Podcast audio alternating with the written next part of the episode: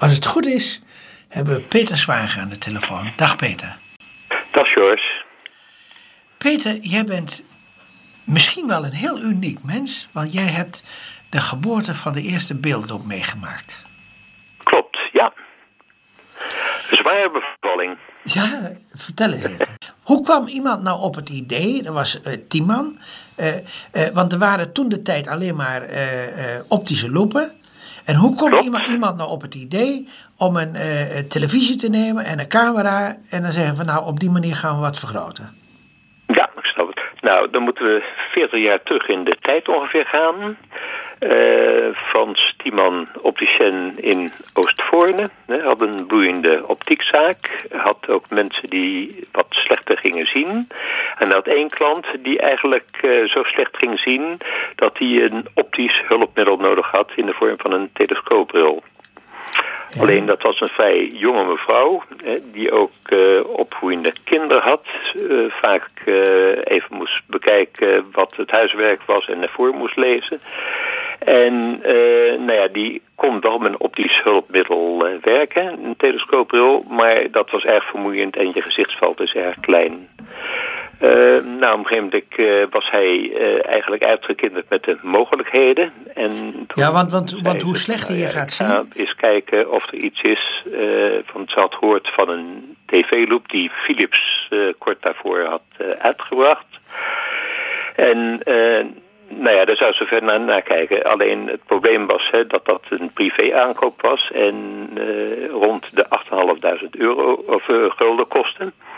Toen zei hij, nou, uh, ik ga er eens eventjes induiken, want misschien kan ik voor jou wat betekenen dat ik zelf iets ga ontwikkelen ja. op dat gebied. Maar, maar Peter, want wat... Uit wat... Uh, opticien was hij ook, uh, als, als hobby had hij elektronica en wist iets van tv's, camera's en dat soort dingen. Maar ook over optische gebeuren natuurlijk, zoomlens en dat soort dingen. Nou, wat hij heeft uh, gedaan is een uh, tweedehands zwart-wit tv gekocht. Een oude bewakingscamera en een uh, zoomlens. En daar heeft hij eigenlijk de eerste beeldschermloop meegemaakt. De kwaliteit was niet zo heel erg goed, maar het was in elk geval zo goed dat die mevrouw in elk daar wat mee kon lezen. Ja. Wat, wat stelde trouwens die, die eerste loop van Philips eigenlijk voor? Wat moet ik me daarbij voorstellen? Uh, nou, dat was zo. Uh, Philips uh, maakte natuurlijk allemaal elektronische apparaten. En die had in de sociale werkplaats van Philips een, een apparaat ontwikkeld. op basis ook van zeg maar, een, een, een tv-toestel, een camera en een onderstel. En had hij een mooi kastje omheen gemaakt. Hè. Op zich zat er niet zo slecht uit. De camera was ingebouwd.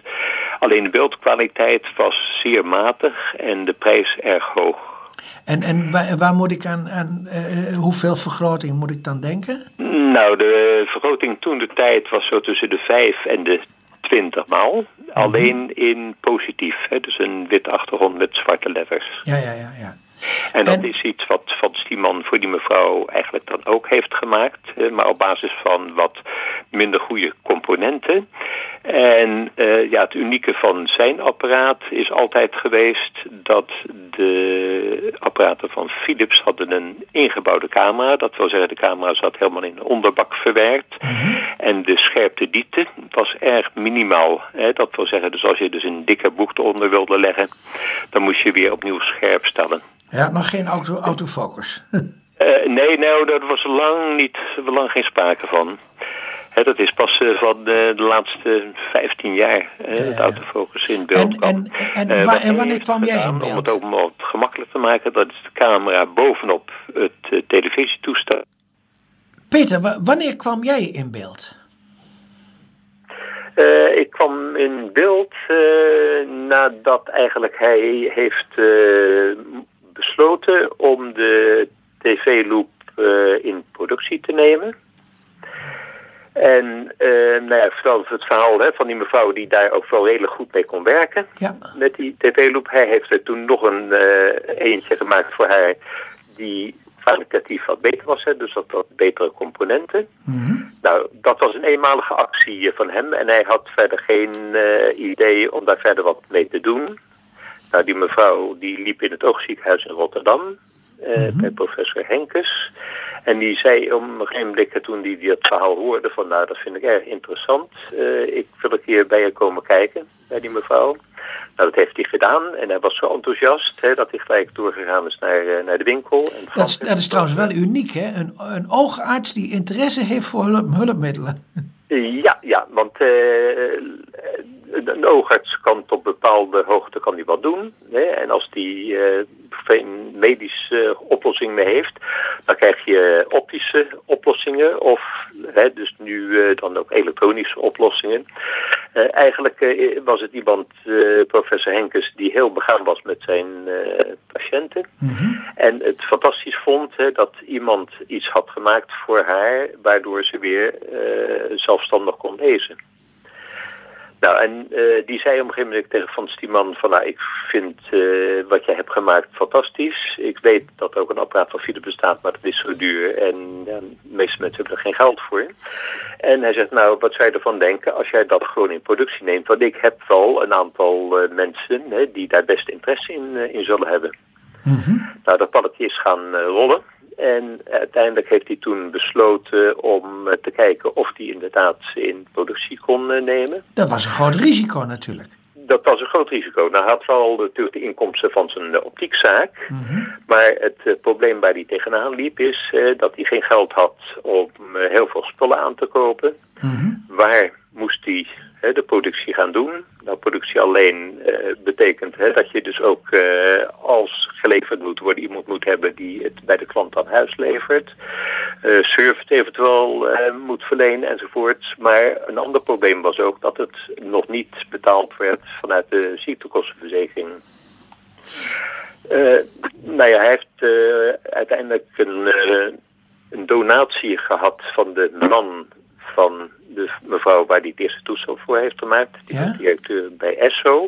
Die heeft gezegd van nou ik wil wel een startkapitaal uh, voor jou uh, regelen. Mm -hmm. uh, jij gaat tien beeldschermbeelden maken. Ik betaal jou vooraf. En die tien toestellen worden gedoneerd aan zorg, zorginstellingen in de buurt van, van Oostvoorn, waar hij woonde. Nou, zo okay. is geschied. Dus hij had een kapitaal. En, en, nou, hoe jij erin kwam? oh, waar ik erin kwam. Uh, nou ja, goed, toen hij had besloten om er inderdaad uh, professioneler wat aan te gaan doen, dat is waar eens een vrije tijd, hè, toen uh, -hmm. ben ik in beeld gekomen. Omdat hij had overdag zijn optiekzaak, moest s'avonds dan die toestellen maken, hè, die moest helemaal omgebouwd worden. En toen heeft hij mij als, als zwager gevraagd, zijn zwager, zwager, uh, jij heet Zwager en je was de ja, zwager van Tiemann. precies. Ja, dus dat was een leuke combinatie. Ja. Uh, of ik interesse eventueel zou hebben hè, om uh, dat samen met hem verder uit te gaan bouwen. En daar heb ik uiteindelijk toe besloten. En, en hoe, hoe is dat verder gegaan? Want, want je had natuurlijk, eh, eh, wat in feite de eerste apparaten, mag je nu zeggen, waren enigszins primitief. Zeker. En, en waar gingen jullie toen aan werken? Welke verbeteringen wilden jullie toen aanbrengen? Nou, de, laat ik het eerste waar wij aan uh, gewerkt hebben, is uh, dat die in het uh, ziekenfondspakket opgenomen zou worden. Hè, zodat veel meer mensen ervoor nou ja, in aanmerking zouden komen als mensen die het privé zouden moeten kopen. Mm -hmm. Want de Philips Loop was toen de tijd 8.500 gulden en zijn prijs kwam ongeveer op 3.500 gulden. Ja. Nou, toen is er contact gezocht uh, met de blindenbibliotheek in Den Haag. Daar zat een mevrouw die erg geïnteresseerd was en die uiteindelijk heeft gezegd van nou, ik ga lobbyen bij de Tweede Kamer. En dat heeft ze uiteindelijk gedaan. En onder andere Erika Terpstra heeft zij aangeschreven en een gesprek meegehad met nog andere Kamerleden. En zo is het uh, in het zorgpakket gekomen van uh, de ziekenfondsen toen de tijd. Hè, dat was 1977. En in zeg maar twee jaar nadat het bedrijf officieel was, uh, was geregistreerd. Oké, okay, en, en, en, en, en, en, nu de techniek. Wat, wat, wat zijn nu de dingen waarvan je toen dacht van nou, dit en die, die kwaliteit moeten we verbeteren? Uh, nou, in eerste instantie uh, moest het technisch zo zijn hè, dat als uh, mensen daar gebruik van maakten, dat je zo min mogelijk storingen zou hebben. Mm dat hield in dat de kwaliteit op een aantal punten verbeterd moest worden. Het moest nieuwe zwart-wit televisies worden. Er moest nieuwe elektronica komen zodat het stabieler was qua beeld. En de helderheid en het contrast ook een stuk beter zou worden. En een betere camera's, onderstel moesten komen. Er moest een schuifplateau komen. Zo'n zo XI-tafel, hè? Ja, en XI-tafel komen. Nou, dat is in die tijd allemaal uh, ontwikkeld, Maar toen werden er al wel toestellen verkocht hè, die niet al die specificaties nog hadden. Maar het is later, uh, is dat allemaal wel weer omgebouwd bij de mensen. En, en, en hoe werd eigenlijk de vergroting gerealiseerd? Zat daar software achter of waren dat lenzen? Nee, dat waren lenzen. Nee, de software was eh, eigenlijk uh, elektronica, had nog niets met software te maken. Mhm. Eh, dat was om het beeld van de camera te krijgen naar de monitor, dus het, mhm. het zwart-witte toestel. En uh, het positief en negatief effect. Hè? Dus dat je ook het beeld in plaats van zwart-wit naar wit-zwart kon uh, omkeren. Hè? Dat je witletters kreeg op een zwarte achtergrond. Wat voor mensen met macula-degeneratie veel prettiger uh, en contrastrijker lezen is. En de vergroting werd gerealiseerd door zoomlenzen. Door zoomlenzen. Dus de, dus de vergroting werd ingesteld door zoomlenzen. En, en dat is eigenlijk tot pakweg 2007, 2008 is het eigenlijk wel de praktijk geweest, geloof ik, hè? Uh, ja, ja. Dat klopt. Uh, laat ik zeggen, naarmate de tijd verstreek, hè, kwamen er ook meer vragen van mensen van, uh, kan het niet wat kleiner, hè, want het waren vrij grote lompe toestellen. Ja. alleen, ja, was het probleem hè, dat in die tijd dat wij begonnen, er 110 zorgverzekeraars waren. En die moesten allemaal apart bezocht worden. Dat wil zeggen dus dat zij wel uh, opdracht hadden om als ze een aanvraag kregen die te beoordelen. Maar ze wilden graag eventjes weten hoe uh, zo'n apparaat uitzag. Dus ik heb uh, ongeveer 60 zorgverzekeraars bezocht in die tijd, de, de, wat grotere. En geluk bij een ongeluk is dat veel zorgverzekeraars een technisch adviseur in dienst. En die bij meerdere ziekenfondsen in de omgeving uh, werkte. En die nam dat taak op zich om te kijken van uh, wat is het apparaat, wat kan het allemaal doen. Uh, en toen is afspraak gemaakt dus dat alleen de aanvragen van een oogarts voor zo'n apparaat door de zorgverzekeraars gehonoreerd zou worden. Dat ze het toestel in meeste geval in bruikleen aan de verzekerden zouden gaan leveren. Ja, en, maar tot, want het waren op zich Uiteindelijk was het in pakweg 2007, 2008, eh, kreeg je nog een, eh, een, een beeldschermloop thuis met een... Eh, nou, met zo'n grote toeter er nog aan. Hè? Ja, klopt. En, ja, en, en, maar die deden het op zich heel goed. Maar toen de platte beeldschermen kwamen, toen ging het hakkelen over het scherm. Uh, ja, het is zo dus dat de, de snelheid van lezen uh, eigenlijk uh, door middel van de platte schermen eigenlijk een stuk minder is geworden. omdat het aantal pixels en zo te weinig was om die snelheid te kunnen krijgen. Dat is zeg maar later door ook de vooruitgang van die beeldscherm, die platte beeldscherm, dus wel verbeterd. Maar ja, daartussenin hè, was ook nog de vraag van wat kleinere toestellen. En toen hebben we dus een toestel gemaakt van uh, eh, 12 inch. Hè, dus een heel klein uh, beeldscherm. Uh, vooral voor mensen met de RP en die uh, flexibel uh, wilden zijn, die hem ook mee zouden willen nemen van de ene plek naar de andere Retinitis pigmentosa, hè? Dus, ja, ja. ja. Die de merk kokkenvisie. Ja, en dan later zijn de, dus naast die grote beeldscherm van 56 centimeter met die knop aan de bovenkant ook nog 43 centimeter beeldschermen. Maar dat waren allemaal nog geen platte beeldschermen okay. met zo'n Oké, okay, dit gesprek is een inleiding voor een, voor een serie die we gaan maken over uh, met name beeldschermlopen en dan met name de, uh, de voorleesloop.